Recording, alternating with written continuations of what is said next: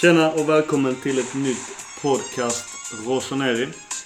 Vi eh, finns fortfarande i vårt nätverk eh, Svenska fans, Milan Sverige och Milan Klubb Svezia. Enda nyheten i vårt nätverk är att ni även hittar oss i, eller på, Spotify. Så det är en ganska lätt ingång. Om man inte har de andra apparna så har ju alla idag Spotify. Vi eh, börjar detta avsnittet med en intervju med en Juventus-spelare. Okej, Petronella, vill du bara kort berätta lite om dig själv som fotbollsspelare? Jag skulle säga att jag har väldigt bra spelförståelse. Eh, jag är tvåfotad och är spelare som Alltså jag tycker om att ha mycket boll och få vara delaktig i spelet och styra spelet. Och sen är jag väldigt bra på huvudet också. Du är ju från... Eh, inte från Öster från början, jag kommer inte ihåg din moderklubb. Men Nej, hur var nu moderklubben? Rössle BK i eh, Oskarshamn. Så var det ja. Eh, Men du har även varit runt och spelat i klubbar i Stockholm. Faktiskt alla tre klubbarna. Och hur Ja. är rivaliteten mellan dem inom damfotbollen och hur är det att dessa övergångar mellan dessa tre klubbarna?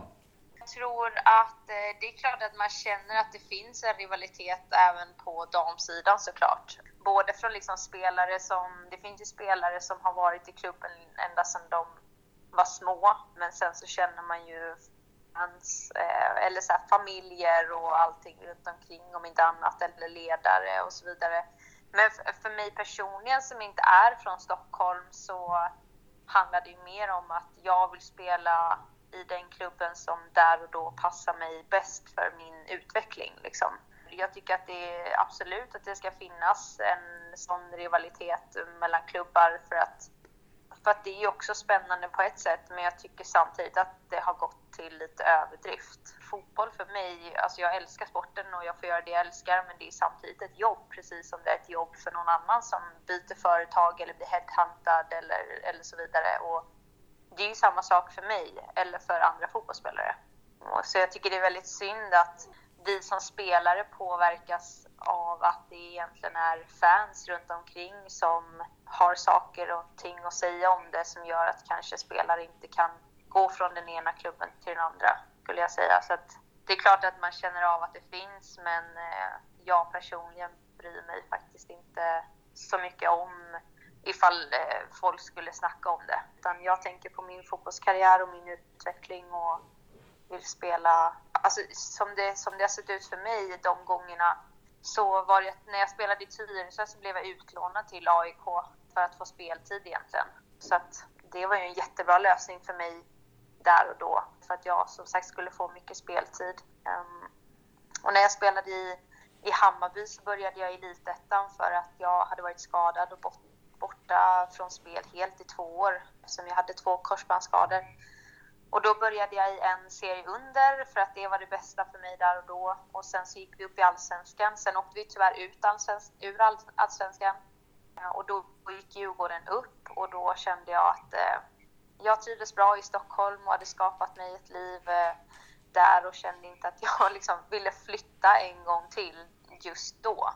Därför blev Djurgården det bästa alternativet för, för liksom min karriär där och då och då var det ett ganska givet val för mig helt enkelt. Fair enough. På tal om karriär och headhunting. Hur var känslan och hur kom Juventus in i bilden för dig?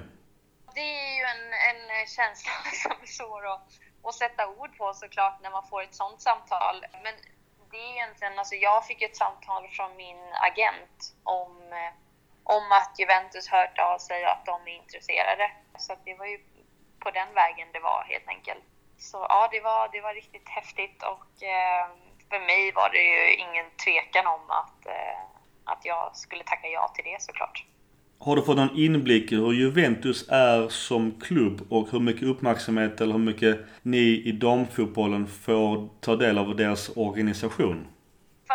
Till liksom rent organisatoriskt hur det är uppbyggt och hur vi som damlag tas hand om så har jag personligen aldrig varit med om något liknande i en klubb tidigare. Som, alltså här det är väldigt professionellt. Vi har en träningsanläggning som, just nu tränar vi på den träningsanläggningen som herrarna hade förra året eftersom de har flyttat till en annan. Så att eh, förutsättningarna är ju helt fantastiska och vi har folk som, som jobbar eh, runt laget, med laget på väldigt många olika positioner och, och så vidare. Så att vi har väldigt mycket människor och eh, ja, som, som, hjälper oss helt enkelt för att vi ska kunna prestera så bra som möjligt. Och det har jag aldrig upplevt tidigare så det, det är väldigt tacksamt och väldigt häftigt.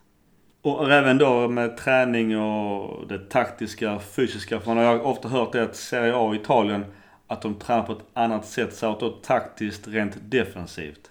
Nej, jag skulle nog inte säga att eh, vi... Eh, jag skulle nog säga att man... Alltså i alla fall i vårt lag, att vi vill ha mycket boll och eh, inte liksom ställa sig och bara vara defensiva, utan här är det mer fokus på det offensiva skulle jag säga. Sen är det klart att vi pratar mycket om det defensiva och hur vi ska arbeta i, i, liksom, i den fasen. Men jag tycker inte att det är liksom specifikt mer fokus på defensiva mer än det offensiva utan det, det, det är ingen skillnad från liksom Sverige skulle jag inte säga. Juventus då, din klubb, är regerande mästare. Är det även då årets mål misstänker jag? Mm. Jo men eh, det är klart att, att eh, vi ska försöka vinna i år igen det är vi nog alla väldigt eh, eniga om att, att vi vill också. Juventus är ju en gammal anrik storklubb. Märker man av det som spelar även här, den här vinnarmentaliteten i hela klubben och i hela organisationen? Mm. Jo, men det känner man verkligen av och på något sätt så känner man att här, det sitter i väggarna. Sen gör det nog mycket också att vi är liksom på den anläggningen som vi är och att herrarna har varit där tidigare och det finns väldigt mycket uppsatt på väggar och pokaler och liksom man får en... Alltså på något sätt så med tanke på hur förutsättningarna är och alla som jobbar runt, eh, runt laget och även i laget att alla är här för att bli bättre fotbollsspelare och utvecklas och, och vinna så, så känner man ju själv på något sätt att man vill göra allt för att prestera så bra som möjligt. För att man får så mycket på något sätt känns det som. Och man vill ge tillbaks. Så att det känns verkligen som att så fort man sätter foten eh, innanför väggarna och ska in på anläggningen så känns det som att alla är väldigt fokuserade på att eh, göra ett bra jobb. Så att eh, ja, den, den mentaliteten den känner man absolut av. Milan har också nu med ett damlag som fått ganska mycket fokus inom Milan. Men hur mm. är det medialt annars kring damfotbollen i Italien? Gud, alltså det... Jag har lite svårt att säga eftersom jag läser ju inte direkt liksom italienska tidningar och, och sådär, men jag vet i alla fall att vi är väldigt uppmärksammade vad gäller liksom i klubben och att vi har en egen så här, mediaorganisation som jobbar med damlaget och vad gäller liksom intervjuer eller ibland är det vissa tv-kanaler som är och filmar eh, liksom mest då de italienska tjejerna såklart. Men jag skulle säga att, att det är bra liksom. Eh, sen som sagt så är det svårt för mig att säga som inte följer all italiensk media och fattar, fattar allting. Men, eh, men jag tror att det är bra. Jag får den känslan att det är det i alla fall.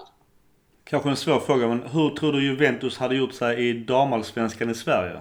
Som jag känner nu så har jag gått till ett lag som är bättre än det jag var i tidigare i alla fall.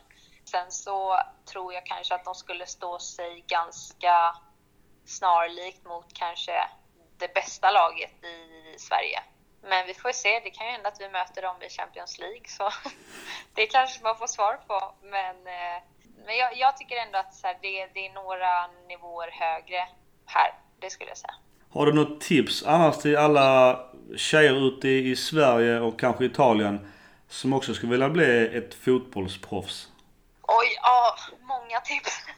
Var ska jag börja? Nej, men alltså, jag, jag skulle nog säga att jag, jag satt faktiskt och tänkte på det häromdagen, eh, hur min egna karriär har sett ut. Och att ser man tillbaka så trodde jag väl aldrig att jag skulle hamna här.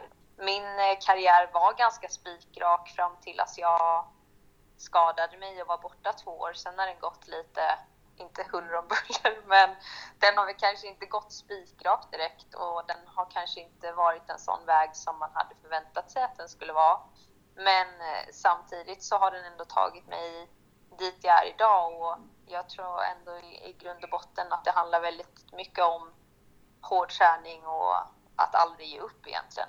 Och att någonting jag också har lärt mig att karriären är mycket, mycket längre än vad man, vad man tror. För jag vet att när jag, när jag var ung så tänkte jag väldigt kortsiktigt och man tänkte mycket så här att ah, kommer jag inte med till det här landslagslägret då, då kan jag lika gärna lägga av eller får jag inte spela den här matchen då är hela säsongen förstörd. Alltså man tänkte väldigt mycket så långt näsan räckte nästan. Medan tänker man lite längre så, och försöker vara lite smartare så har man väldigt, väldigt många mer år att spela än vad man kanske tror och känner där och då. Ha tålamod och jobba hårt och aldrig ge upp skulle jag säga. Så det tror jag kan ta en väldigt, väldigt långt. Petronella Ekrot, stort lycka till till dig. Jag måste tyvärr önska ett mindre lycka till till din klubb, i alla fall på här sidan. Ja okej. Okay. Ja, vi får se nu. Vi möter ju Milan faktiskt, så det ska bli väldigt spännande. Ja, jag får, jag får ta rapport ja. om det sen. Men i alla fall, mindre lycka till i den matchen, men annars i ligan ett stort lycka till i alla fall till dig som sagt. Tusen, tusen tack. Och tack för kloka ord och uh, var rädd om dig. Tack, tack detsamma.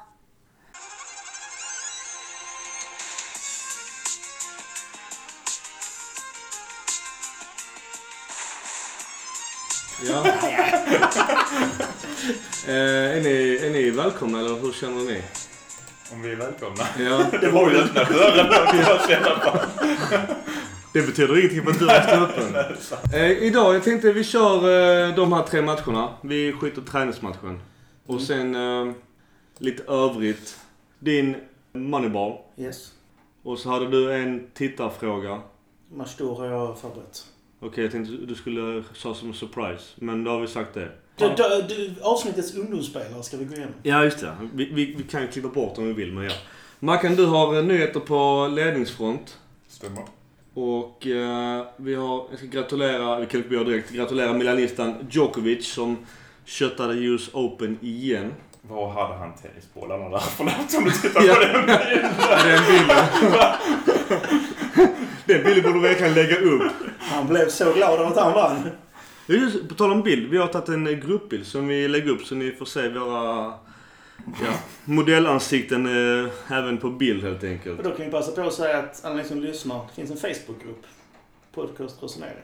Ja, alla välkomna. Gå med. Den är stängd men den är en välkomna för alla som är milanistas. Ja, det är väl det som är ungefär kör, körschemat idag. Vi har redan gått igenom intervjuer med eh, Juventus-stjärnan, vår svenska Petronella. Eh, så vi vänder blad helt enkelt. Och ska vi köra din Moneyball först? Jag tog och eh, satte in lag. Jag kommer lägga upp den här på sidan för den, den blir mycket mer lättförståelig när man läser den. Det ska jag ju faktiskt säga. Än att berätta om den. Men vi delade upp spelarna i eh, ett, ett betyg 1 till 5 och sen så översatte vi det då. Så de som då ligger på från okej okay klass upp till toppklass i, i Serie A har vi då tagit med i den här beräkningen. Ställt dem mot varandra på varje position och då får, får man fram olika värden som ni kommer kunna se där. Man brukar säga så att för att kunna konkurrera på alla fronter, ligan, kuppen, Champions League, Europa League, behöver man 2 till 2,5 spelare på varje position som håller lägst bra klass. En av högsta klass, toppklass, och en av de här tre kan vara, eller två och två och en halv, kan vara en junior som nästan är där och kan leverera enstaka matcher. Alternativt en spelare som är nöjd bara vara backup, men som ändå kan komma in och leverera en bra produkt. Och i nuläget så uppnår vi eh, inte det på eh, vissa, på framförallt högerback, mittback, defensiv mittfältare och centralt mittfält. Men man kan resonera runt de här punkterna lite grann. Till exempel på högerback så finns det täckning, även om håller kanske lite låg klass. På mittback kan man alltid flytta in Rodriguez. Problemet är att då tappar man ju vänsterbackens toppspelare. Defensiva mittfältspositionen används inte så ofta, men det är bra att kunna ha flexibiliteten. Men den stora grejen är på det centrala mittfältet. Vi har, vi har alltså bredden på det centrala mittfältet, vi har inte spetsen. Vi har ingen stjärnspelare? Nej. Det behövs en eller två, alltså riktigt toppklass som kan gå in och leverera, dominera matcher. Och när man, man slår ut och ser det på rena siffror så blir det faktiskt väldigt tydligt att det är där det brister. Men kan det bli så att Kissi kan bli en eh, toppspelare utifrån hans egenskaper och hans position. Alltså han används ju märkligt. Alltså, han har ju alltid spelat som den bollvinnaren. Alltså antingen ligga som defensiv mittfältare och spela som bollvinnare och pressa och jaga. Eller som en ren, renodlad defensiv mittfältare. Nu används han som en... Eh, har använts som, vad heter det nu för att ta exakt ordet italienska? Carileo. Carilero. Stänga ner spelet högt upp, vinna boll, eh, fördela den runt. En ny roll. Jag tycker han löser den bra men Vänta lite. Alltså du skriver lika fult som jag. absolut. Alltså det, det är katastrof. Jag skriver i alla fall på datorn för jag inte kan läsa det själv knappt. Men det här är fan lika illa. Du kan trösta dig med att jag nästan 40 år att lära mig läsa det. Så att jag, jag, Ja, det, det där är... Jag kan inte läsa vad det står men ja, fair Ja. Nej, så att han har ju han har ju en ny roll nu som faktiskt har funkat helt okej. I alla fall i Roma-matchen. Vi kommer prata om det sen. På det centrala, men även om vi skulle flytta ner honom på det centrala mittfältet då tappar vi ju honom i, i sin roll. Så att... då Jag ser honom egentligen som en, en defensiv mittfältare. Jag med. också. Har, har vi ju haft mittfältet som akilleshäl i princip sen, sen Pirlo slutade om vi ska vara lite hårda. För det har ju inte kommit några som i alla fall på den offensiva mittfältspositionerna har vi inte haft någonting som har varit... Jag tycker ändå de Jong gjorde en bra defensivt. Fan vilken skit han fick. Jag fattar inte egentligen det. De Jong ska inte, skulle aldrig fördela en boll. Han ska vinna bollen, spela en kortpassning till egen spelare. Sen ska han bara ligga och avvakta. Det är där han var bäst. Bara kolla när de gick till VM-final 2010. Precis. Han, ä, även om han spelade som bland de grisigaste i världen så ägde han Ja, men det, var ju, det skulle han ju Ja, alltså, precis. Sen var han kanske lite väl just... Alla kommer ihåg karatespark. Ja, ja. Men, Vad fan kan eh, bli rött kort för det första? nej, det, var, det var i alla fall ingen videogranskning, det kan vi vara överens om. Leve var. Ja. Det vi tycker stämmer ju med, med Moneyball-uträkningen, eller hur? Precis. Och det blir eh, väldigt, väldigt enkelt att analysera det. Det är där det behövs. Ja, eftersom att vi ändå brister på mittfältet. Undrar då om ett annat spelsystem hade kunnat laborera bort eh, det problemet. Alltså, problemet är att det finns fortfarande, alltså du måste ha någon centralt och det finns fortfarande ingen som håller Serie A-toppklass på det centrala mittfältet. Jag tror Leonardo insåg det och det var därför SMS jagades, om han nu jagades. För det hade ju gett svaren här. Det hade i alla fall gett en av de två som skulle kanske behövas och det kanske andra, kunde bli en annan höjning. Men att det saknas en central mittfältare av toppklass, det är minst en. Det är uppenbart när man ser det så. Resten kan ni faktiskt läsa. Den är... ehm, Kommer folk förstå det när Ja, man läser det? det är så. det? Det, det, att det viktiga när man läser detta, det är att läsa det färdigt och jämföra med tabellen. Inte haka upp sig på en, att ett, en spelare har värde 1 istället för 0,5. Utan se på helheten. Det, det, slår, det slår ut sig om man drar det längre. Det brukar jag har haft några som kolläst också så att... Du kommer också vara inne på Facebookgruppen eh, Ja. Podcast Roseneri och svara på alla eventuella frågor kring detta du lägger upp. Så att eh, var inte blyga för att köta Gurra där. Sätt han på prov. Mot den blygsamma summan av 100 kronor per svar. Ja. Swisha mig. Precis. Eh, ja, absolut. Nej, men detta, är, detta, detta är, kommer från en algoritm som används av många klubbar.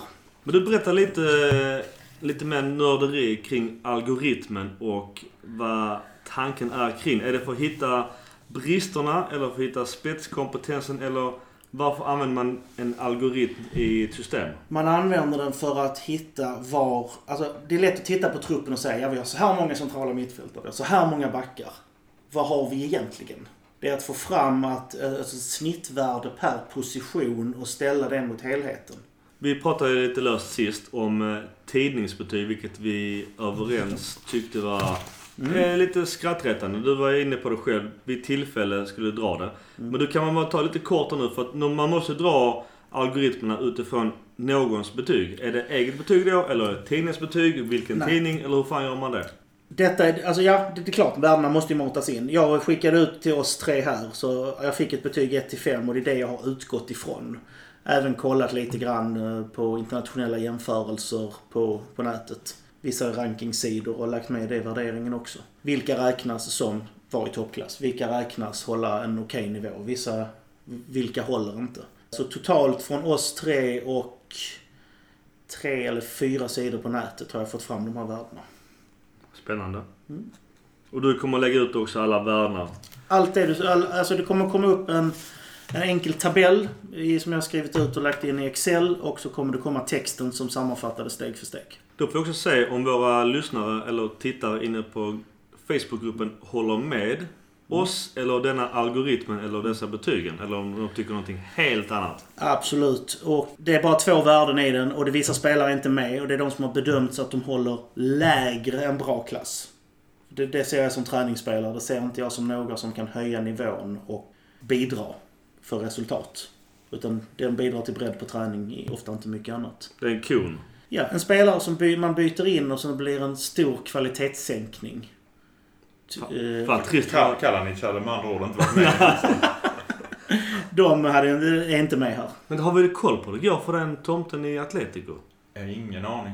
Vi borde ändå följa upp det någon gång. Ja. Vi har ju faktiskt följt upp André Silva och han går ju bra men undrar vad fan det går för Kalanic. Om han ens får spela någonting. Det är ju nästa fråga. ja. Ja, skitsamma. Han är tack och lov inte vår spelare längre. Mm. Annars något mer med Moneyball? eh, Nej, alltså laget eh, är bra byggt förutom avsaknad av mittfält. Och det här kan ju också vara så att man bedömde att Biglia och Bonaventura höll högre klass. I alla fall att en av dem skulle vara en dominerande spelare. Biglia ville skriva nytt kontrakt. Undrar om Milan ville lika mycket som han ville. Mm. Personligen hoppas jag inte det. Nej, vad säger du Mackan om Biglia ett nytt kontrakt på honom? Mm, Nej, tack. Ja, visst, går han med på en rejäl lönesänkning, kan tänka sig vara med som breddspelare, så tycker jag absolut det kan vara okej. Men eh, Vi behöver inte fler breddspelare. Där får vi sälja av någon av de andra. Du, bara en spontan fråga. Jag hoppar rätt in här i nästkommande ämne. Vi har ju lite kontakter med Arsenal som du tar sen Mackan. Men där är en kille där på utgående kontrakt som kanske tas med i affären i sommar. Kan, kan han höja vår Moneyball-statistik? Aaron Ramsey hade absolut varit en toppklassspelare. Han går rätt in och gör skillnad i Milan. Ja, ja, ja. Han hade gått rakt in på centrala mittfältet och varit en riktig motor. Problemet med Aaron Ramsey är att spelar han tre år så är han skadad två av dem. Så det gäller bara att fånga honom i en bra period. Har han varit ganska skadefri ganska länge. Och sen har vi ju... Så det då borde vi inte köpa honom. Ja, ja, precis. Rent statistiskt sett. Och sen så känner ju alla till Aaron Ramsey Factor va? När, han, när Aaron Ramsey har gjort ett mål så har det dött en världskändis antingen en till två dagar innan eller en till två dagar efter. Fan. Va, vart och ett av hans senaste tror jag, mål de senaste hans säsongerna. Så han får bara passa på mållinjen just nu då. Precis. Men, Men men, det ryktas ju från ett annat eh, Londonlag igen med Fabregas att han inte får spela i Chelsea. Vad säger vi om honom spontant? Han är väl ungefär samma ålder som Biglia. Jag hade ju tagit honom varje dag före Biglia. Gurra, ja. du som har koll på Premier League. Han får inte spela så mycket i Premier League just nu, men det är ju absolut... Alltså, han har en gudabenådad passningsfot. Det är en spelare som skapar ytor, vet hur man ska springa. Han har en bra, stor arbetskapacitet. Men eh, betänk att han låg efter Bakayoko i hackordningen i fjol. Jag är också lite märklig med tanke på han. Vi gjorde inte någon höjdarinsats igår. Eller? Jag, jag har bara sett matchen snabbt på jobbet igår, eh, idag, så att... eh, Jag ska inte klaga för mycket på Bakayoko för han har ju precis kommit. Men så som han har presterat hittills så lär det ju inte bli något permanent. Det, var, han har fått hoppa in i tre matcher. Ja. Måste backa bandet. Vad sa du precis? Att du såg matchen på jobbet idag? Eller vad fan sa du? Jag har bara sett dela, alltså jag har fått klämma in den på jobbet idag. Okej, ja. ja. Ja. Som Mackan sa i vår chatt. Eh, vissa har bättre jobb än andra. Han kan kolla fotboll på jobbet hela tiden. Jo tack. Annars, är det något mer du vill säga om denna? Det, det är intressant när man ser det och det bekräftar mycket av det vi misstänkte innan. Men nu har vi det svart på vitt. Vi behöver en, en Pirlo. Vi behöver en Pirlo och en Gattuso. Eller Pirlo och Ambrosini. Vi behöver ett gammalt Milan helt enkelt. Vi behöver... Kan man, kan man på något sätt i Moneyballen få in om man har tillräckligt bredd? Eh, ja, och det får du på... Um, alltså två till två... Alltså tanken är att ska, man ska få två till två och en halv spelare. Som, På varje position? på varje position. Okej. Och då kan man slå ut det. Nu ser det inte Så färg på här. egentligen så skulle man då kunna säga att Milan egentligen ligger på gränsen på anfallare?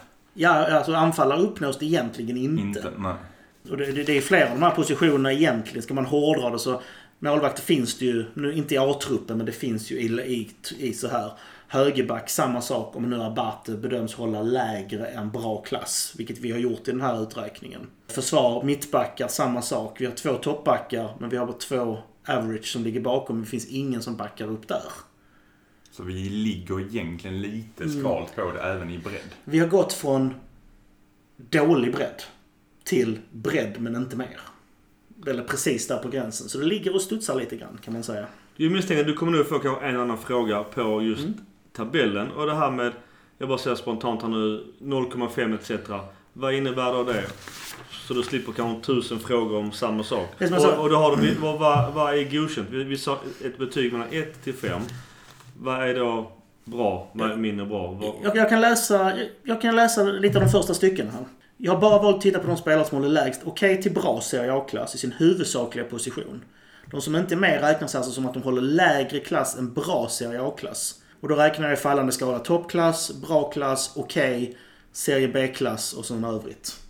Fin- Det finns två värden, 1 och 0,5. 1 innebär att det är en position där spelaren håller bra till toppklass. Man, man, man är lite bättre än bra upp till de absolut bästa.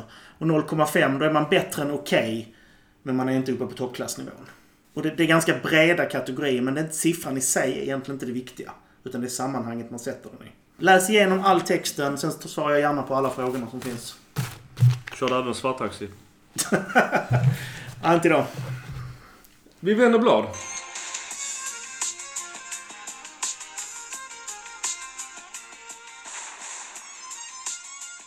Vi eh, har ännu en bild. Jag eh, ska se om jag kan lägga upp den i vår uh, Facebookgrupp. Och då har vi matchtröjor från 87-88 och fram tills i år.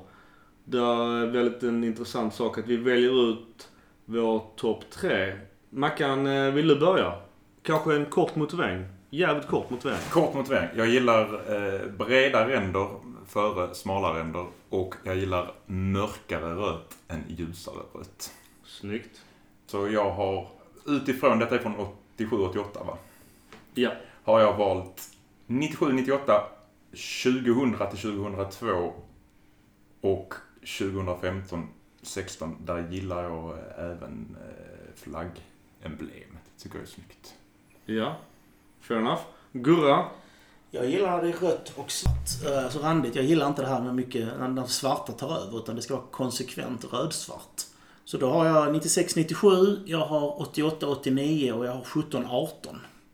Ja. De tycker jag är de kliniska. Det är det breda, bra ränder. Det är lika mellan rött och svart. Där har du mina tre. Körde ni förresten rangordning eller bara ni bara tog tre rakt upp och ner? Jag hade rangordning. Du hade rangordning. Hade du också rangordning Mackan? Nej, det var bara tre rakt upp och ner. Förlåt. Okej. Ska jag rangordna dem? Ja. Du ska säga 2015, 16, 3, 97, 98, 2 och 1, 2000 till 2002. Vi är så härligt synkade. Jag körde 1, 2, 3. Du körde 3, 2, 1. Okej, jag kör... Jag kör För att jag kan. ja, ja, precis. Because I can. Så, har, har vi sagt den förresten, Because I can med eh, Balotelli? Har ju något avsnitt? Ja. Med pengarna. Ja, han blev ju stoppad i, av Just- snuten i Manchester. Ja. Så de, de trodde att han var någon sån random eh, förortsgangster. För han ser ju, om man nu ska vara lite fördomsfull, lite gangster ut. Så snuten stoppade Balotelli och eh, hittade då 50 000 i fickan. Pund. Det är då 50 000 pund tror jag. Och de bara sa Varför har du 50 000 pund i fickan? Because I can. Så jävla gött alltså. Jag har sagt det hela tiden. Jag gillar Balotelli. Ja, ja, Det är en Balotelli. lirare.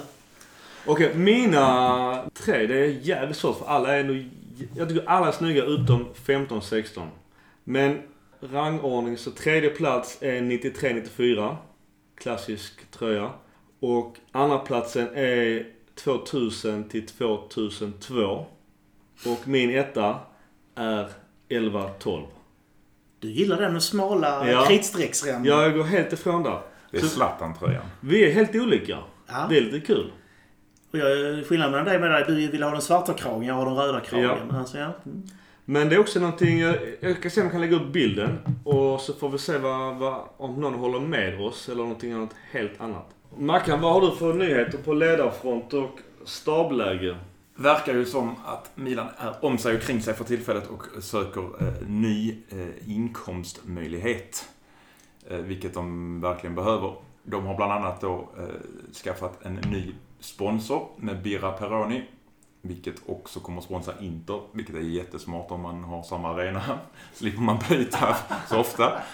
För, Eh, för att det är helt äcklig öl. Eh, Men, men, men så, såg ni inte inläggen som och nu, vår gode vän Birro skrev? Att Inter spelade hemma på San Siro för det var fullt med folk. Nej. Va? Ja. Va?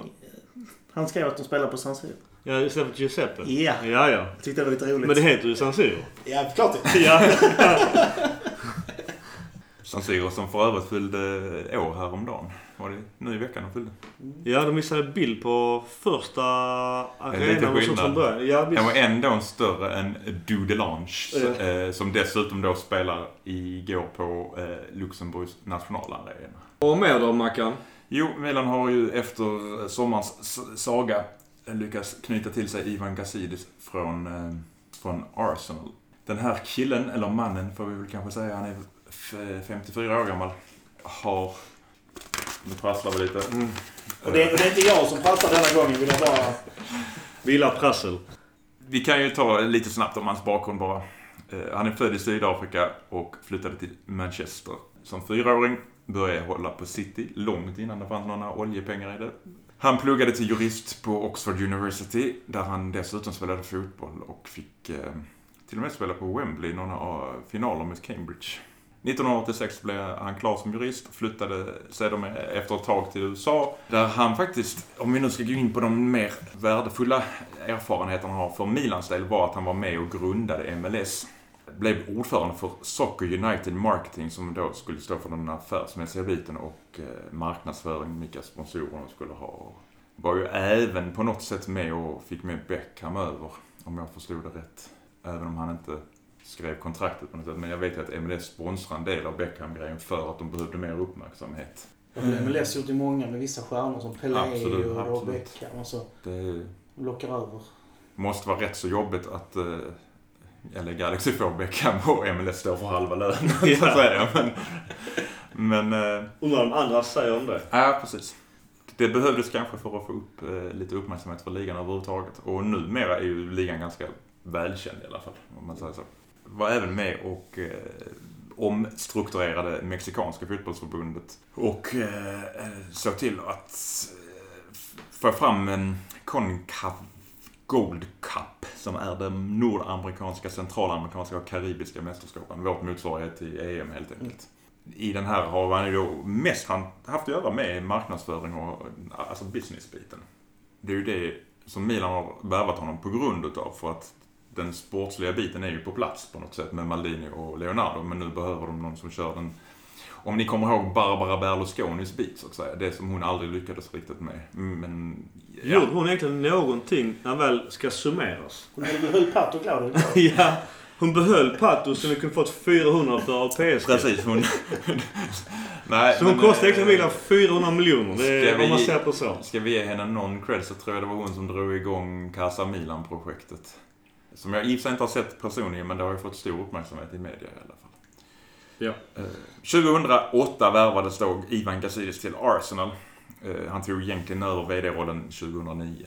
Eh, Och om man ska se lite siffror, om vi nu tycker det är roligt, så har... Det tycker jag är kul. Det tycker du är kul? Okej. Vi är ju nördar så att eh, vi älskar siffror. Det finns en ranking på omsättning i fotbollsvärlden i Europa som Deloitte, en revisionsbyrå, en av världens största, har, går igenom varje år.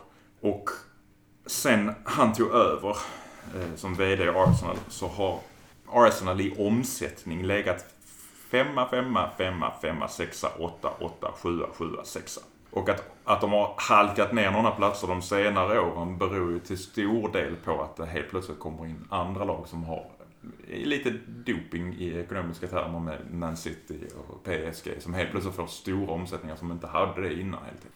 Och utifrån det är det ju ganska bra gjort att hålla sig kvar på topp 10 under hela tiden.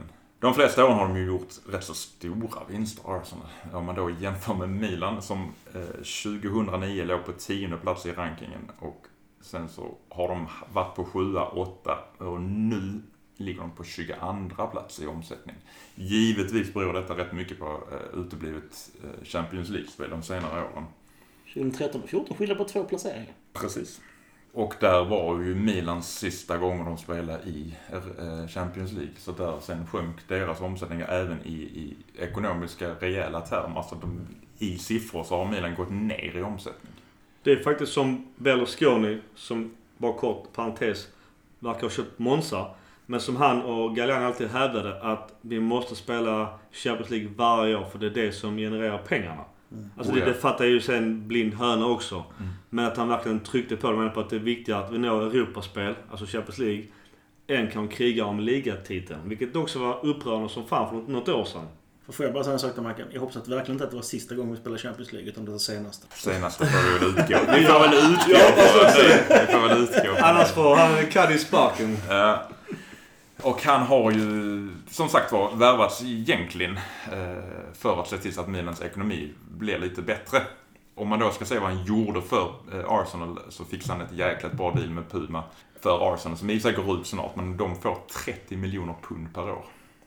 Varför- Jämfört varför med Milan som får 12 miljoner euro per år. Eventuellt bonusar i- Ja. kan Milan få också. Men det kanske går att omförhandla så småningom. Han har även då maxat inkomsterna från matchdagarna. Givetvis så blir det också högre för Arsenals del på grund av att de äger stadion själv. Men de gjorde 100 miljoner pund om året i, på matchdagar. Fy fan. Det är sjukt mycket. Jag, jag hittar inga siffror vad Milan gör just eftersom de inte äger allting själva. Eh, Men just en sån bit där är ju De en gör utmaning. ingenting. Det är som, du, som vi säger, de har ju för fan falska prylar utanför arenan. Så där har han ju Bara en skicka stor- iväg de idioterna. Där har han en stor eh, utmaning. Sen det sista han gjorde då för Arsenal var ju faktiskt att på något sätt kratta manegen för Emery när Wenger blev- fick kicken. Eller fick kicken och fick kicken, men inofficiellt fick han ju kicken.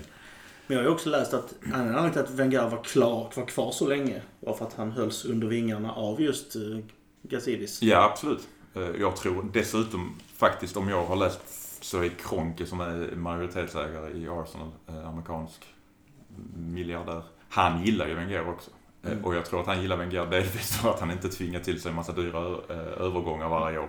Och dels det han gjorde precis vad han skulle. Han tog inte Champions League men han vann ju knappt några titlar. Och det var Nej. det här fansen störde sig på. Det var Mm. därför han ville bli av med Wenger tidigare ju. Men Gazidis då, han kommer tillträda den första december i, i Milan. Utmaningarna är väl lite som vi då pratar om en ny stadion. Det har ju varit snack om det i rätt många år. Ska de eller ska de inte? Hur maxar man inkomsterna i biljettsammanhang? För ska du ha en miljarders eh, transfers på sommarna så måste du tjäna mer pengar helt enkelt. Mm. Du var inne på det Micke, man ska ju ta bort alla piratgrejer. Mm. Det, är helt bisarrt att du får stå utanför San Siro och sälja de grejerna. Att det finns ju Kina att köpa, det kan man aldrig stoppa. Men att de står utanför arenan och kränger grejer. Jag minns, jag köpte en jävla Milan-mössa för 30 euro. Sist jag var där och min polare frös också med huvudet. Och ja, han köpte en likadan för 10 euro. Precis. Jag bara, vad fan? Där är dessutom ett antal sponsoravtal som Milan måste fixa till. De har ingen bilsponsor längre. Nu hade det ju inte så mycket att göra med Milan utan det var ju att Adi la ner det. Eh, All sin fotbollssponsring. Men där är ju en, en del de kan tjäna lite pengar på. Fly Emirates-avtalet går ut 19-20 den säsongen. Och där kan man ju också omförhandla. För även om de får rätt mycket pengar från Emirates, om man då jämför med övriga lag som har Emirates, så ligger Milan rätt långt ner i, i hur mycket pengar de får på det. Och givetvis har det samman med att man inte spelar Champions League, för då får du ju säkert mer. Gazidis är som sagt var en ekonomisk övning, om man nu kan säga så. Det går, ju- vi ska inte glömma det, det går ju hand i hand med, med den fotbollsmässiga biten. Men, men vi ska ju inte förvänta sig att han sitter och dikterar vem som ska värvas.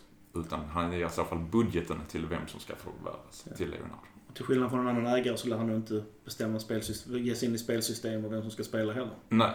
Och det ligger en... Han är kompis med Singers, Gordon Singer, sonen till eh, Paul Singer. Hedgefonden. Elliot. Elliot. Det kan ju ha lite grann där att göra också med... Arsenal-fansen verkar ju inte vara jättebesvikna för att bli av med honom. Och det är kanske för att de blev av med honom som de går ut och säger de grejerna. Men tittar man rent statistiskt på pengar så har han gjort det bra i Arsenal. Och sett också till vad Elliot vill ha av en VD. Och hans CV så verkar det vara en match in heaven ändå. Precis. Och den här positionen eh, som VD öppnar upp för att Umberto Gandini kan komma tillbaka och ha hand om... Han har bra koll på vilka regler Uefa har helt enkelt. Annars var väl han andra valet för VD-rollen. Just nu är han i Roma. För att kunna bli ett stor, alltså ledande världsklubb igen så måste man få ekonomin med sig. Och kan det här byggas upp och hoppas att man gör nyktra, alltså sportsliga insatser samtidigt. Absolut, det kan vara en supervärvning. Det tror jag också. Men domen kommer ju först om 5-10 år. Ja, ja, absolut. Om inte Elliot tjänar massa pengar och har sålt av innan dess. Absolut. Men det, Det är ju, alltså som sagt då, vi ska komma ihåg det att han värvas ju säkert för att maximera värdet som eljest kan få om de säljer klubben också. Så att på något sätt så tror jag att de tror väldigt hårt på honom. Innan har ju ledningen varit problem. Alltså, och som du är inne på. Att för, att ha en fungerande organisation som sen genererar spelmässiga framgångar. Då måste man börja från toppen. Och det som varit problem tidigare i Milan. Att det har varit för mycket familjebuddies med vissa. Och om man då buddies stör sig eller stöter med, med varandra. Då är det out direkt. Milan har ju bränt så jävla många legender på alla möjliga håll och kanter. Att nu är det verkligen affärsmän. Förutom just Maldini och Leonardo är ju både och. I alla fall Leonardo. Så det känns som en bra mix av brutal eh, CV och ändå Milan-legendfamiljen.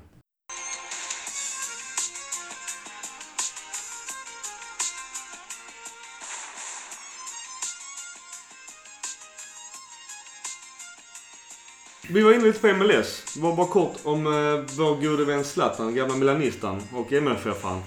Han har ju börjat sippra ut i sanden. Men... Fast det 500 målet i hans karriär. Ja, fy fan vad snyggt det var. Det enda jag kan likna det med är det målet han gör för Sverige mot Italien.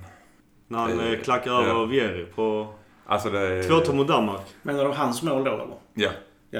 Men i alla fall, å andra sidan, han är ju sjukt arrogant och oödmjuk. Men det han säger att han är bäst i historien. Han är arrogant, ja men han bryr sig inte för han är bäst. Han har väl ändå en poäng. Han är bäst i Sverige. Nej. I Sverige. Gunnar Gren, Nordahl. Vad de gjorde i Italien var inte han i närheten av. Alltså, det är olika tider. Det går inte att Det går kanske inte att jämföra. jämföra. Men, Men eh, jag säger att de, alltså vi har ju andra svenska spelare som satt större märke på historien än vad han har gjort. Han har gjort det i Sverige med sina tio guldbollar och det är en gudomlig, har varit en gudomlig spelare. Jag håller inte honom som störst. Vem håller som störst? Grenoli, Henke Larsson har VM-brons och en Champions League-titel. Det har inte Zlatan.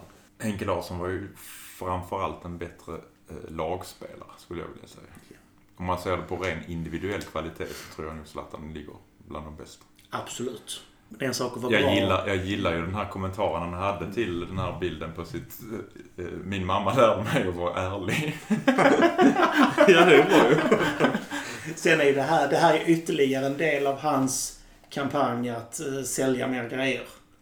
Alltså, det, han bygger ju sitt varumärke efter hans beslut när han slutar Oh spela. ja, absolut. Alltså, det det är så genomtänkt. Det är, ja, Men funkar det? Det är ju ändå sjukt arrogant. det är klart det funkar. Han, han har byggt en personkult. Han är- men han är han, eller hans rådgivare, eller om det är Helena, det vet jag inte. Men någon som jobbar med honom är vansinnigt smart och vet att utnyttja det.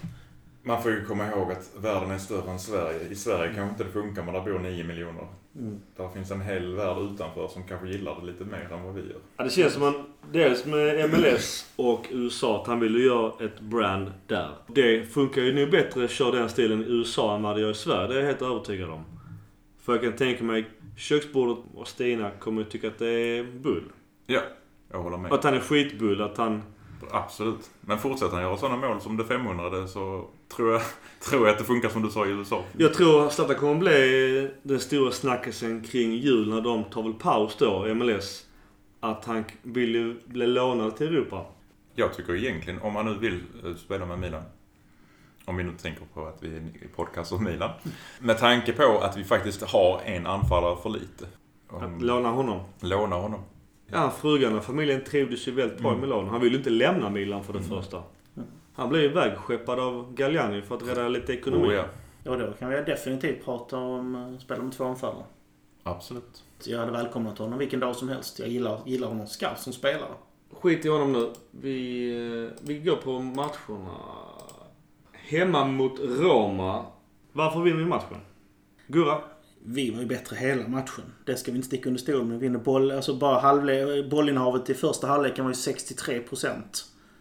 Fler hörnor, fler frisparkar, bra. I den här matchen så hade ju Gattuso tweakat om laget lite grann. Han ändrade om mittfältet jämfört med hur det var i Napoli-matchen. Istället för att spela med tre djupt liggande centrala mittfältare som jobbade därifrån. Så det, så det man såg var att Biglia låg ju kvar som spelfördelare. Bonaventura sprang fram och tillbaka som mer en box-to-box. Och Kessie, som det jag var inne på innan, han spelade som en Carrilero. Eh, som, jag, som jagade och pressade offensivt. Han vann bollen bra flera gånger. Och därför vinner vi. Vi, vi, vi stressar sönder Roma med den uppställningen. Om, vi, om Gattuso fick kritik i första matchen och vi ska prata om tredje matchen sen och så vidare. Men i den här matchen gör han det taktiskt väldigt bra.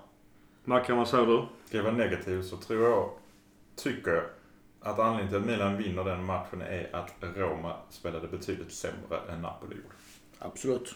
Ett De sämre hade lag, lärde sig inte, alltså hade, hade de kollat matchen mot Napoli ordentligt så hade de ju sett hur de skulle stressa Milan. Mm. Eh, Så som Napoli gjorde. Det gjorde inte Roma. Och på det sättet kunde Milan få utdelning för sitt bolltrillande på egen planhalva framför egen målvakt. Det var, ja, för det var lite lustigt. Vi, vi, vi, jag skrev det i chatten först, i början. Varför är alternativ allt, ett alltid att passa hemåt? Och vi, sa- och vi sa det i första halvlek. Det här är ju Napoli-matchen igen. Ja. Men sen hände någonting efter. Alltså, för, men så fort de vann bollen på egen planhalva så skulle bollen alltid spelas hem. Backlinje eller målvakt. Backlinje eller målvakt. Och om man ska säga något positivt så var Biglia bättre än, än på väldigt länge i Mm. matchen mot Roma. Absolut. Men de här 58, 58 000 på läktaren satte ju andan, andan, vad heter det? Andan i halsen. Kaffet, kaffet i halsen, vrångstrupen. Ja, det går ju sådär. I alla fall, det jag skulle säga... det jag försöker säga. Det jag försöker säga är att helt plötsligt så står det 1-2. Men tack och lov räddar ju video sen. Det är ju en solklar dubbelhands. Alltså den är, eh, om, om vi ska prata lite domslut där faktiskt. Den, Mm. den Hansen är intressant.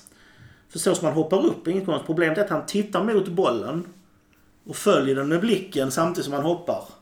Så det, egentligen är det bollen söker ju händerna men eftersom han har blicken mot bollen så bedöms han kunna använda den. Det är därför den döms bort. Men det, det känns som en dubbelhands. Ja men det spelar ingen roll. Hur fan kan inte det spela roll? Handsregeln är ganska enkel. Eh, Boll, om boll söker hand eller om du aktivt gör dig större för att täcka eller, eller vinna, aktivt vinna fördel. Och det, i och med att han har blicken på bollen så försöker han att aktivt vinna fördel. Ge bedömningen. Det, varför summera? Jag fattar ingenting. Är det rätt eller fel? Det är rätt att döma hands. Men hade han inte följt bollen så mycket så hade han kunnat studsa på händerna fem gånger och det hade ändå varit mål. Ja, för jag blev lite nervös. Jag satt själv och skrek på hans. Men det tog ändå lite tid innan eh, det blev video på den. Ja, och insatsen på både Kessie och Romagnoli som tycker att nej men vi behöver inte markera honom. Jag fattar inte det. Deras största spelare. Ja. Men bara, bara kort. Deras eh, 1-1 mål. Eh, nu minns jag inte det färskt i huvudet men jag vill minnas att det återigen är eh, i slottet. Det, du har till och med skrivit det. Bonaventura, han igen. Ja. Han släpper ytan framför straffområdet. Och hur fan många mål ska vi släppa in i den ytan som är helt avgörande? Jag fattar inte det. Hur svårt kan det vara? Så länge Bonaventura har den ytan så lär det nog hända fler gånger. Det är ju ett minus på Gattuso faktiskt. Att det måste ju... Det får inte bli mål där. Alltså, så enkelt är det. Verkligen inte. Eh, vad kort. Eh, Kessie blir matchens spelare i alla fall i Milan. Rätt eller fel? Jag hade Calabria före men jag hade absolut jag hade som tvåa så att ja, kan jag köpa. Jag tror Calabria återigen gör en jävligt bra match. Äger den, back, den backpositionen just nu. Mackan, vad säger du om annars spelarbetygen eller spelarna i sig? I princip alla spelarna är lite bättre i denna matchen. Givetvis inte lätt att spela första matchen för säsongen borta mot Napoli heller. Om vi då ska klaga lite som ni sa, var inne på Bonaventura, eh, gör inte den defensiva biten. Det kan ju också vara därför Biglia blir sämre, för att han inte får understödet som han behöver. Att hålla borta, för att han känns stressad varje gång han har bollen. Speciellt med det spelsystemet de har och med bolltrillandet framför egen, eget mål. Om man ska dra, och nu dra in lite matchen efteråt också. Jag tycker att vi har lite för lite understöd eller passningar till Higuain som går fram. Jag måste bara säga en sak också innan vi vänder till nästa match. Men Pastore är tillbaka i Serie A. Han har ju själv valt att sitta på bänken stort sett i fem år i Paris och slängt bort sin karriär. Men fy fan han var blek. Och samma här Chic, som också halva ligan jagade i fjol. Han var så jävla dålig. De två, jag satt och kollade extra på dem. Och de var skit, tycker jag. Passor är en sån som behöver någon som... Någon, han, han kan inte lyfta ett lag. Men ett bra lag är en hur bra som helst. Skulle man bolla på Roma skulle vi hitta många brister. Vår gamla MFF-are i mål, han gör ju fortfarande... Han verkar ju få bäst betyg i Roma i match efter match efter match. Ja.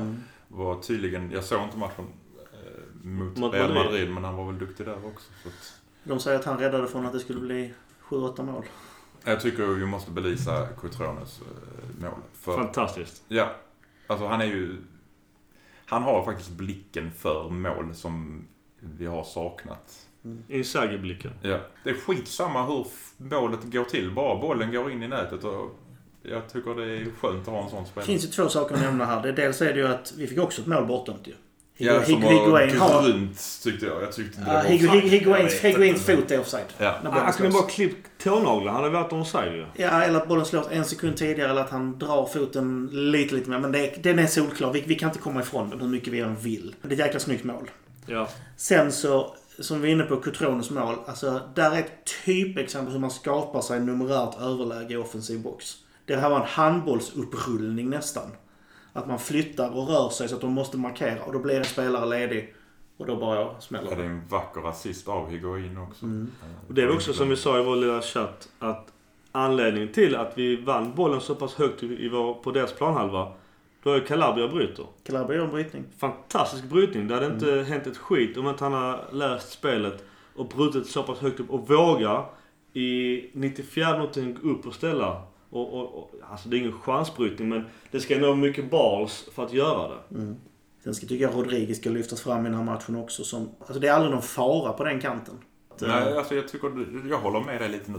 För att han får oförtjänt mycket skit Mm. av eh, Milan, i Milan-kretsen. Jag tycker faktiskt att han är ganska duktig. Sen ska- också ändå nämnas att han väljer att stanna i Milan när en lag som Arsenal med Premier League-lön och Paris ändå hör sig om. Så det ska han fan ha fett plus för också.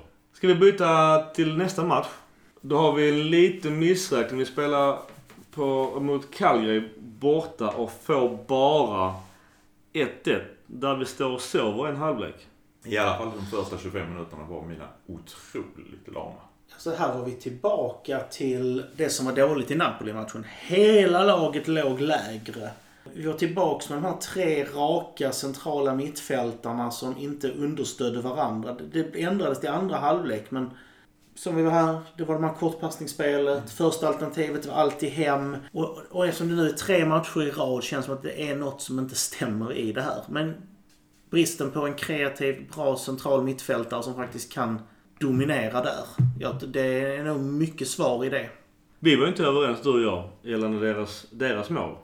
Jag, jag tycker visst det är det på nära håll och det är en jävligt knepig studs och det är sjukt jävla oflyt för den verkligen bovlar över Musacho. Som går mål. Du menar på att den är jävligt svår att ta? Ja, eh, jag kanske ska hänvisa till mina... eh, Jag kanske inte ska eh, dra fram mina paralleller som min egen division 4-målvakt en gång Jo, gör det. Nej, men om man tittar på bollbanan. Jag har sett det nu från tre olika kameravinklar och säkert ja, hundra gånger ungefär. Jag, vill, jag ville ha det här hundra. Ja. Bollen skjuts. Den studsar i marken typ en halv, alltså en halv meter framför den som skjuter. Den ändrar, den börjar wobbla där. Den wobblar över Musacho som slänger sig. Och då har Donnarumma redan sett den och tanken är ju att den ska gå i andra kant. Så han ligger med balansen åt vänster. Sen så dyker bollen mot andra, mot andra, alltså in mot mitten i målet istället. Och den byter alltså riktning i luften säkert tre gånger fick jag det till. Kanske till och med fyra. Samtidigt som den störtdyker. Ja, för det går, Tar det går under honom. Och det Ja. ser jävligt, jag, jag tycker att det ser jävligt tafatt ut för en kille som tjänar 50-60 miljoner om året. Men nu ska man inte heller belasta han för hans eh, agent som, som proppar med pengar. Men, men, men jag tycker fan att han ska ta den. Men, Jag, jag, jag håller med dig att den ser enklare ut än vad den är. Men bryt ner det skottet så är det bland de svåra skott. Det är som en wobblande tåpaj. Alltså, du vet aldrig var den hamnar. Han gör aldrig, och får får han hundra chanser att göra det skottet så är han inte i närheten en enda gång till. Ja, det var så jävla oflyt. Ja. Så tyvärr, alltså Donnarumma var bra i övrigt. Han, jag tycker inte han ska ha skit för det. Däremot så spräckte Higuain i alla fall eh, sin nolla. Som vi sa, nu har han 19 mål kvar att göra innan han är godkänd i våra ögon. Men det var jävligt skönt för honom, för man såg verkligen hur lycklig han blev av målet. Och det är pissmål egentligen, men... Ja, det är ju en bra brytning av Kessie där. Ja. Får vi ändå ge honom. Och där, så, det, det han, där har vi hans roll som eh, Carileo. Han ska ligga, vinna dem, få det, den brytningen på bollen så att en lagkamrat eller någon kan ta det. Vi såg när, när Kessie var dålig i matchen. Det var då ingen markerade honom. Han fick ytor. Då slog han bort bollarna på löpande band. Men när han får jobba de här tajta ytorna, vinna bollen, lämna bort den, då är han hur bra som helst. Och Jag därför tycker ju inte, som sagt var, 1-1 i den matchen är ju inte godkänt för Milans del.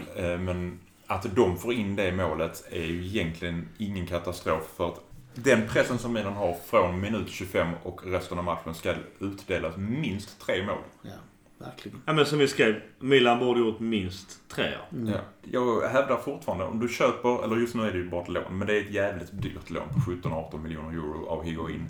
Då ska du se till att han får bollar att arbeta med. Han, han kan inte få höga betyg om han inte får bollar. Nej. Han kan inte göra mål om han inte får bollar. Jag tycker att Susu också kanske är, ja, han är ganska bra, men han är lite sönderläst. Läst. Han viker in och gör någon form av skottinlägg med vänstran. Just Susu har ju fått, jag har fått rätt mycket skit på Milan Club Svezia. Att han har, jag håller med, lite lättläst ibland. Och jag blev också själv förvånad när jag såg att han kom med i veckans lag. Men det blev lite så paradoxalt. Han får skit och han var inte egentligen jättebra. Men ändå så får han ganska bra betyg och kommer med i veckans lag. Hur, hur fan går det ihop? På tal om eh, dessa jävla tidningsbetygen. Ja, jag har ett Susu, två Kessie, tre Donnarumma som mina betyg. Alltså det är det man ska säga, men jag skrev det. Han var riktigt bra. Allt för ofta ensam. Han fick bollar, tog emot dem, han försökte göra inlägg. Men vad hände med hans inlägg? Eh, Bonaventura måste ju lära sig nicka, få nickträning. Sen en positiv sak som ska tas upp, alltså när Bakayoko gjorde faktiskt en bra match när han byttes in. Han, när han och Kessie pressade vann vi ju bollen offensivt hela tiden. Och så sa vi, borde gjort fler mål. Gattuso ska ha skit för att han inte tog ut Hakan tidigare tycker jag. Hakan skulle ut, ja nästan efter, ja, efter första. Om jag ska vara helt ärlig. Nej, det var inte hans dag. Problemet är när han har en sån dag så är det bra att byta ut honom direkt. För att han kan ju liksom inte jobba sig in i matchen. Antingen är han bra eller är han skitdålig. Så har det varit i Milan i alla fall.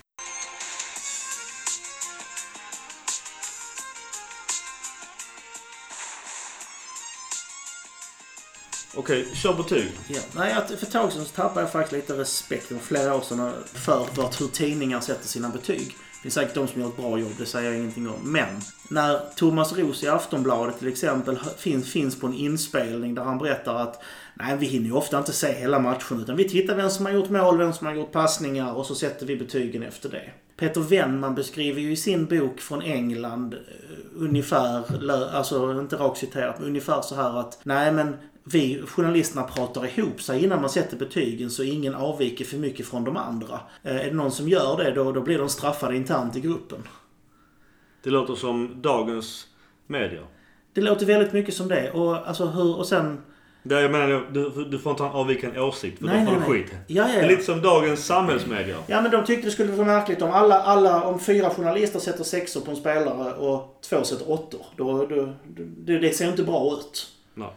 Så att eh, det finns en likriktning, det finns att man hellre tittar på, man tittar inte på prestationen och vad som har hänt egentligen utan har du gjort mål då ska du ha högt betyg. Eh, Det är säkert inte så alltid men jag tar alltid alla de här tidningsbetygen med en stor, stor nypa salt. Bara som en sån sak, sista 10-15 minuterna varje match missar ofta de här journalisterna för då ska de ta sig ner till gången, press, alltså pressgången. Det är ofta då det händer mest grejer. Precis. Då tittar de på någon snabb repris och sen sätter de sina betyg. Ska man få ärliga Milan-betyg ska man lyssna på podcast Rossoneri. Det är det du säger. Exakt. Men vill vi gå över till eh, matchen igår. Euroleague. Vi gjorde premiär mot ett lag från Luxemburg. Vi bara tar kort nu. nu eh, Caldara gjorde i alla fall eh, premiär. Hur skötte han sig? Vi släppte inte till mål så det är väl okej men, men Och Magnoli Caldara, de gjorde inte bort sig. Higuain gör mål igen. Han bommade också två klara lägen. Gattuso dissar honom lite efteråt också. För just det. Att han borde kanske göra mål på de chanser han får. Jag tror vi hade åtta eller nio chanser som kunde varit mål på. Att Caldara och Magnoli funkar bra igår är kanske lite beroende på motståndet också. Defensivt är ju ingenting att säga. Vi ska hålla nollan. Rena, ja. Rena Caldara, Romagnoli. Det, det, det ska ju vara rent framför Jag tyckte Reina kändes rätt så trygg om jag skulle säga. Om man jämför Han är ju säker med benen. Om man jämför med, med Donnarumma och samma form av spel så tycker jag Reina känns rätt mycket tryggare. Om man ska köra kortpassningsspel i eget straffområde så... så hade jag valt honom.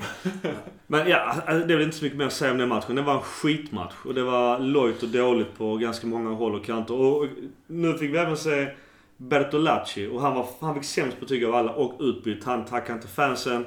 Och han fattade detta var hans sista match på länge.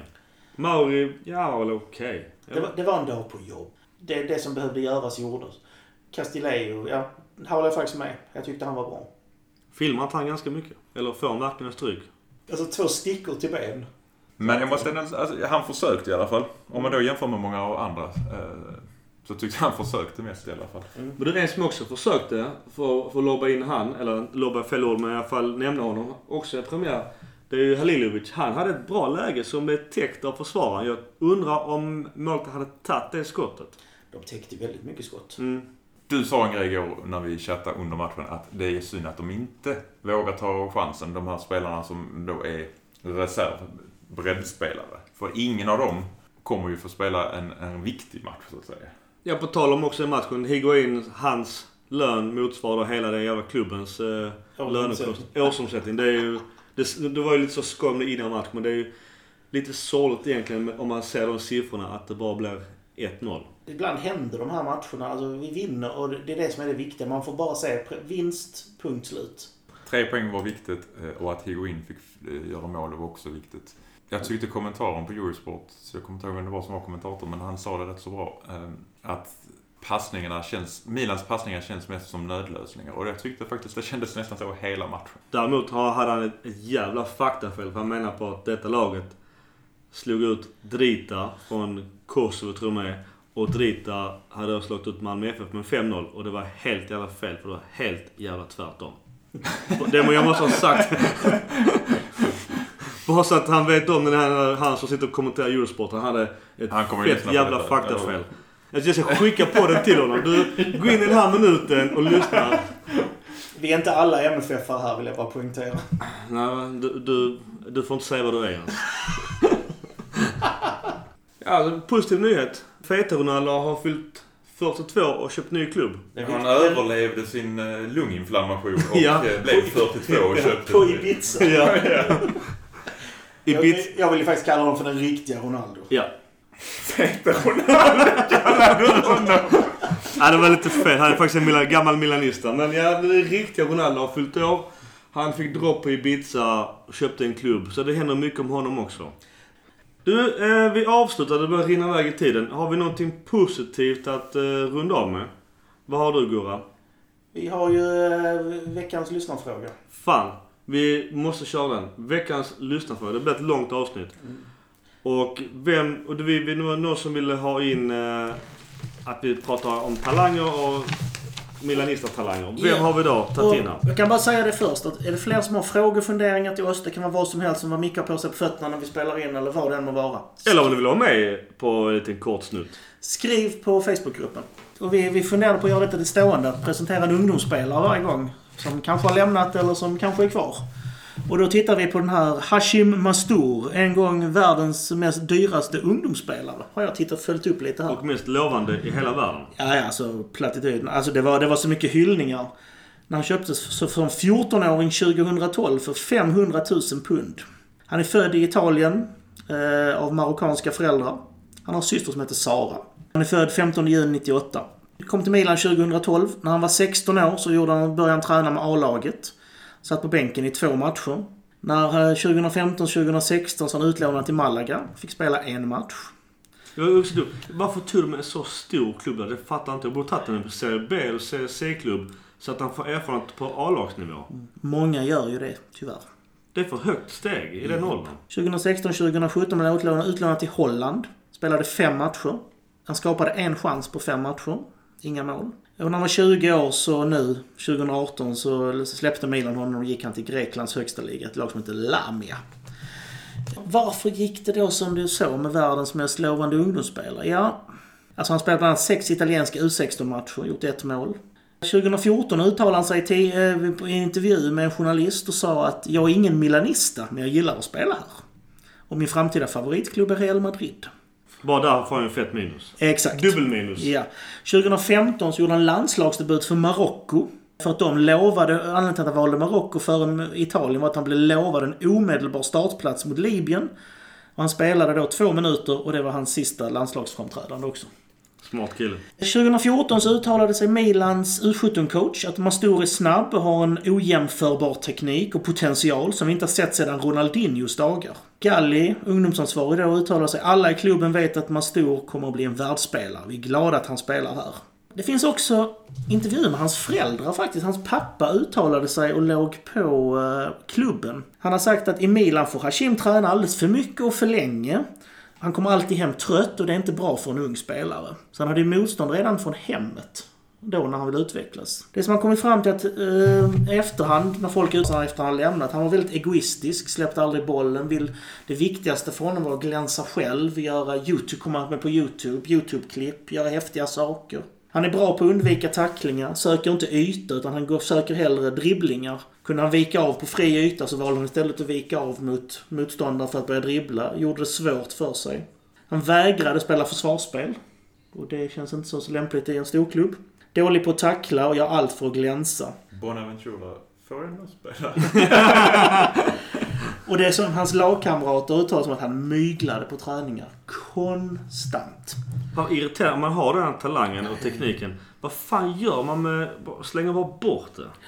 Analys. Trodde på sin egen hype. Dåliga rådgivare. Väldigt svagt psyke. Lat. Dålig fysik. Att synas blir viktigare än att prestera. Och han har fått det strålande epite- epitetet Italiens svar på Freddy Adu. Fan, det låter väldigt mycket som min handbollskarriär. Det viktiga var att du syntes än att du Ja, presterade. precis. Stor talang, lat, blev ingenting. Så sammanfattningsvis, Hashim Mastur får kan skylla sig själv. Han hade möjligheterna, men han tog dem inte. Mackan, vill du avsluta med vår event? Vår story. Har vi någonting eh, bokat klart med din arbetsgivare? Ja, vi har ju fixat ett litet event med, mellan eh, Milan och Juventus. Låt ta fram när fan det är. 11 november. 11 november ja. Och Då är det kvällsmatch. är en kvällsmatch en söndag om jag inte minns fel va? Och jag sa att eh, quiz, Milan-quiz, de som vågar sig an denna quiz. Det är faktiskt samma frågor som du har sett en gång. Så du får Är inte det vara med. samma frågor? Så du Okej, får inte då är jag med direkt. Ja. Vi får se om du klarar det. jag kan kanske... Fan vad pinsamt att jag inte klarar dem. Men då, jag tänkte vi kör en samling på Gloria Sportbar i Lund. Klockan åtta. Då drar quizet igång ungefär. Åtta så drar vi hinner bli klara med Ja. frågorna innan match. Och vill man äta så får man göra det. Vill man bara dricka så är det också välkommet. Deadline, vad sa vi? Den åttonde? Ja, det är för din skull också. Så är att det mer kan- så att vi ska kunna planera med hur mycket folk det kommer? Alla är välkomna, men jag förstår att rent geografiskt så... De som kan och vill ta sig till Lund för att se Milan Juventus, träffa oss, prata med oss. Vi eh, kanske tar med, inte mikrofonen, men man kan spela in via mobilen om någon vill säga någonting på fyllan eller i nyktert tillstånd. Vi tar det innan matchen är slut. Efter matchen borde Det beror på hur det går, tänker vi. Ja, ja. Det är klart, det är klart. Men i alla fall, eh, för att summera. Vad sa du? Milan Juventus, Glorias, I Lund, Sankt Peter kyrkogata 9. klockan åtta. Vi Vilket- ses. Datumen. Vi lägger ut eh, lite eventer på... Vi lägger ut flyers, eh, elektroniska flyers på Milan Club Svezia. Och eh, jag vet inte om, om Milan Sverige, om vi gör någonting med dem också, eller vi skriver det i inlägget. Och på vår egen På Facebook. vår egen Facebook eh, podcast, Rossoneri Facebook-gruppen. Forza Milan! Forza Milan. Milan.